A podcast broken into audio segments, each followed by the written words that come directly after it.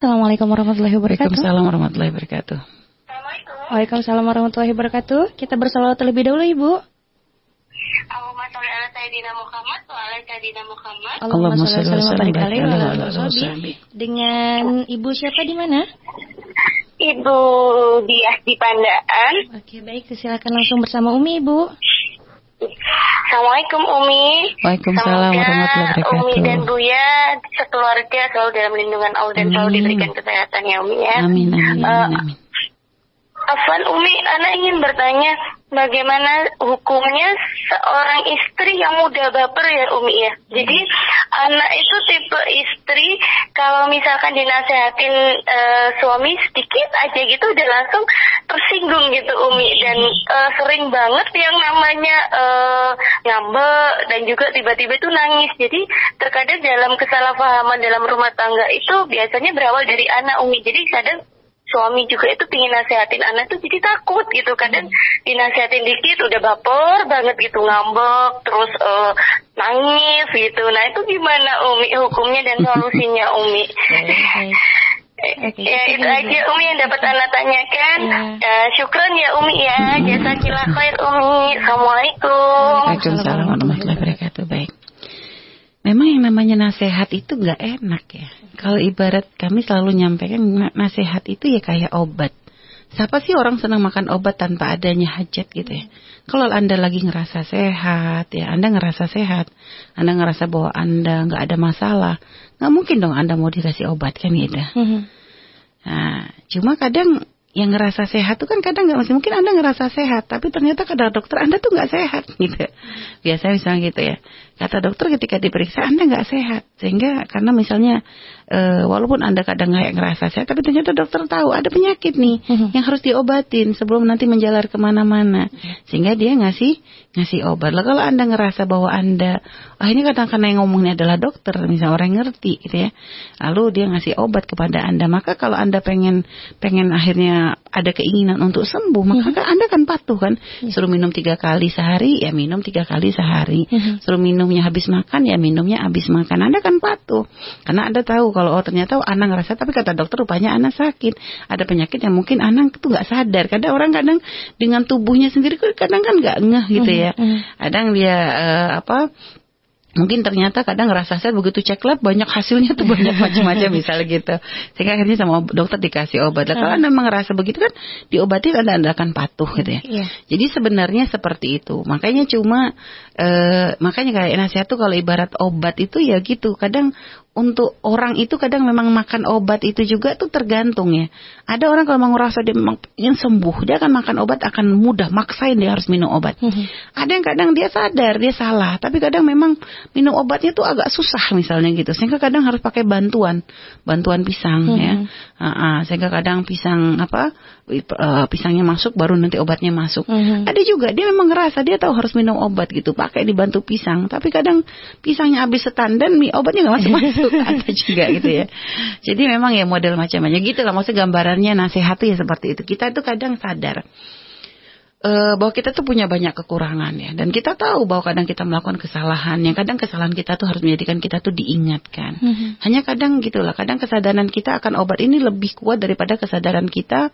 eh, jadi kadang ini kesadaran kita akan sakit dohir itu kadang lebih kuat daripada kesadaran kita akan sakit batin. Ini yang bermasalah. Mhm. Sehingga kadang kalau ada orang sakit dohir itu minum obat bisa cepat. Hmm. Tapi kadang kalau orang sakit batin belum tentu dia cepat cari obatnya. Iya.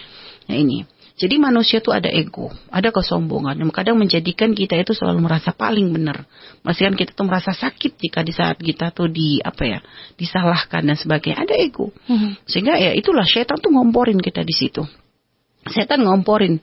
Jadi kayak ya jadi kadang kebenaran tuh padahal kita yakini kebenaran, tapi kadang ya kesombongan kita itu kayak iblis kan begitu. Hmm. Iblis tuh yakin Allah adalah Tuhan Mhm. bahwa Allah adalah Tuhan satu-satunya dan semua perintah Allah ini harus dipatuhi. Dia yakin, aslinya dia ibadah, tapi ketika Allah perintahkan untuk sujud Nabi Adam, nggak bisa patuh dia. Ada kesombongan di hatinya, ini loh. Nah, berarti kalau sekarang Anda sadar gitu, Anda baper, kadang sering mengatakan permasalahan di rumah tuh adalah Anda gitu ya. Eh, terus, tapi gitu, kadang kalau dinasihatin sama suami jadi gampang nangis. Nah, itu itu itu bisikan iblis. Anda jangan-jangan kalah. Artinya nasihat itu Anda harus paham bahwa nasihat itu adalah sesuatu yang baik, seperti obat bagi tubuh Anda. Mhm. Kita tuh butuh nasihat. Dan kalau masalah kadang baper, emang terus terang, wanita memang rata-rata begitu. Iya. Kami sendiri pun kadang ada saat merasa begitu. Hanya memang ini harus dilawan. Itu hawa nafsu, Mhm. harus dilawan. Gak boleh kita nuruti. Jadi mujahadah kita tuh di situ. Iya. Ketika kita mendengar nasihat, kita coba ambil bagaimana Sayyidina Umar bin Khattab ketika beliau mendapatkan teguran. Ada orang langsung negur Sayyidina Umar bin Khattab itu dengan cara yang gak sopan. Hawa nafsu mah marah. Mhm. Hawa nafsu rasanya kurang ajar banget nih orang. Siapa dia? Siapa saya? Kan gitu. Sayyidina Umar tuh paling af- termasuk Abdullah sahabat setelah Sayyidina Abu Bakar. Mhm. Dinasihatin dengan cara nggak layak. Tapi lihat imannya yang berma- bermain. Hanya apa? Eh, semoga Allah merahmati orang yang telah membuka aib, maksudnya membuka membuka eh, apa kesalahanku ini loh, yang telah memberikan petunjuk untuk aku tuh membenarkan diri. Mhm. Jadi beliau malah berdoa kepada Allah semoga Allah merahmati orang yang begitu. Jadi Sayyidina, Abu, Sayyidina Umar hawa nafsunya sebenarnya menyuruhnya marah, tapi keimanannya itulah menjadi pendorong untuk dia tuh senang sampai dikasih hadiah lagi malah orang yang nasihatin. Lihat. Nah sekarang kita ini kalau dengan nasihat saja kita marah, gimana kita dengan cacian orang gitu loh. Kebayang nggak kalau kita kasusnya seperti eh, Imam Ali Zainal Abidin yang dicaci maki oleh orang eh malah dikasih hadiah? Mhm. Nah sekarang kita tuh nasihat itu kan manfaat untuk kita. Iya. Itu aja marah. Gimana kalau ada apa nggak dendamnya kira-kira kira dendamnya bertahun-tahun itu. Nah, orang nasihatin aja kita nggak terima kok. Maka sekarang keimanan kita yang berpihak. Maka sakit iya. Dan kadang hari menjadikan kita tuh diem, jadi merasa oh jadi bawaannya nanti nangis. Nggak apa-apa anda nangis, tapi setelah itu anda lawan. Lawannya gimana? Datang ke suami anda, langsung anda cium tangannya. Terima kasih ya mas ya, udah nasehatin dan minta maaf. Tadi masih nggak langsung cepet seperti ini. Mhm. Jadi begitu, lawan dulu sekali. Iya. Jadi langsung cium tangan dan bilang sama suaminya, makasih udah nasihatin, jangan kapok ya nasihatin anak. Lihat, tadi kata anda kan suami jadi takut nasihatin. Mhm. Lo itu sebenarnya musibah. Kalau sampai ada seorang suami nggak berani nasihatin istri musibah. Mhm. Karena sebenarnya nasihat itu adalah bentuk cinta. Iya. Suami anda cinta, ingin yang terbaik untuk anda, ingin anda menjadi wanita soleh, dia nasihatin. Mhm. Tapi kalau sampai akhirnya suami jadi takut nasihatin itu musibah. Jadi anda harus berusaha lawan. Mungkin ada sesaat awan nafsu tuh "Ugh," jadinya pegel. Hmm. Ya, memang begitu kadang, memang seperti itu. Hanya sekarang anda lawan. Bahkan seandainya nasihat itu pun tidak, maksudnya disampaikan dengan cara yang kasar pun, saya tidak boleh marah. Mhm. Apalagi kami kalau tadi ngelihat dari sikap ini sampai suami takut, sebenarnya suami mungkin sudah nasihatinnya dengan cara baik. Hmm. Hanya kitanya aja yang kebaperan gitu ya. nah, jadi eh, kalau baper itu pakainya ke wilayah-wilayah yang heb- yang bagus deh. Misalnya baper gara-gara dengar kisahnya Rasulullah. Nah, itu Anda baper-baperan abisin di situ. Mhm. Tapi kalau nasihat suami ya baper boleh, tapi untuk diinsyafi. Mhm. Jangan langsung dituduh dengan cemberut. Ah, hanya nggak ngomong, diam di pojokan. Ngapain? Jadi Anda lawan. Jadi gitu ya caranya. Kalau memang Anda masih belum masih ngerasa sakit, lawan. Jadi sebenarnya gini, itu bentuk cinta. Ibarat nasihat itu karena pengen Anda selamat, pengen Anda menjadi lebih baik lagi. Oke. Kalau Buya tuh sering ngasih contoh, ada orang mau kecemplung lobang gitu ya. Ada orang mau kecemplung lobang, Anda nggak ngeliat kalau di depan Anda ada lobang. Mhm. Ada galian rupanya. Tiba-tiba Anda mau nyemplung, ada orang langsung teriakin Anda. Eh, matamu picek lah misalnya. Nah, ini kasar-kasarannya ya. Bahasa matamu picek lah nggak lihat ada lobang apa di depan. Anda kan kaget ya.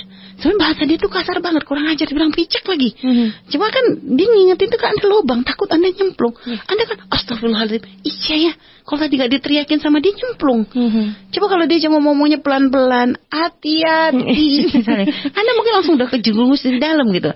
Cuma dia tadi ngomong tuh langsung teriak, mata mau picek lihat apa gitu. Hmm. Dia bentak. Hmm. Dia ini, tapi apa? Anda, anda, anda akan marah. Enggak, begitu Anda lihat lobang, ya Allah, makasih ya. Mhm. Lah padahal kenapa? Ini lobang mah kalau seandainya nyemplung pun paling ya patah tulang misalnya. Tapi kalau Anda misalnya masuk ke lobang kemaksiatan, di saat Anda salah dalam akhlak, dalam perilaku, lalu dia, akan lobangnya nggak cuma segitu, lobang neraka. Hmm. Maka nasihat itu sebenarnya tujuannya adalah baik. Jadi apalagi kalau sudah disampaikan dengan cara yang baik, maka lawan, lawan hawa nafsu Anda. Tadi seperti kami sampaikan ya, bahkan punya selalu ngomong kalau ada suami bisa nasihatin istri, langsung Anda masakin yang enak Masya Allah. bentuk. Jadi kalau misalnya Anda masih Aduh kalau langsung datang minta maaf masih belum ma masih malu Umi. Mhm. Sudah Anda langsung masak di dapur ya, Anda masak di dapur bikin yang enak. Habis itu kalau sudah masak tuh biasanya dengan aktivitas itu emosi kita tuh terlampiaskan. Iya. Biasa begitu. Jadi Anda sudah sudah ini langsung Anda diam. Asal sadari keimanan Anda berbicara. Lalu pergi ke dapur masak yang enak, bikin suami apa. Saya itu nanti hati Anda sudah sudah tenang, Anda datang, Mas, ini maafin ya tadi ya gitu ya nggak cepet nyambut nasihatnya. Mhm. maafin. Anda lakukan ini. Kalau anda sekali anda bisa lihat. Anda akan mudah untuk nanti berikutnya. Masya dan suami anda pun akan semakin cinta kepada anda. Akan senang dia dalam menasehati dan anda pun akan semakin mudah untuk bisa mendengarkan. Jadi memang sulitnya tuh di awal. Mhm. setannya itu menghalangi anda tuh di awal. Tapi kalau sudah anda patahkan itu anda hancurkan kesombongan anda anda hancurkan ego anda insya Allah setelahnya anda, anda akan semakin mudah untuk mendapat mendengarkan nasihat suami Allah. baik wallah alam bisawab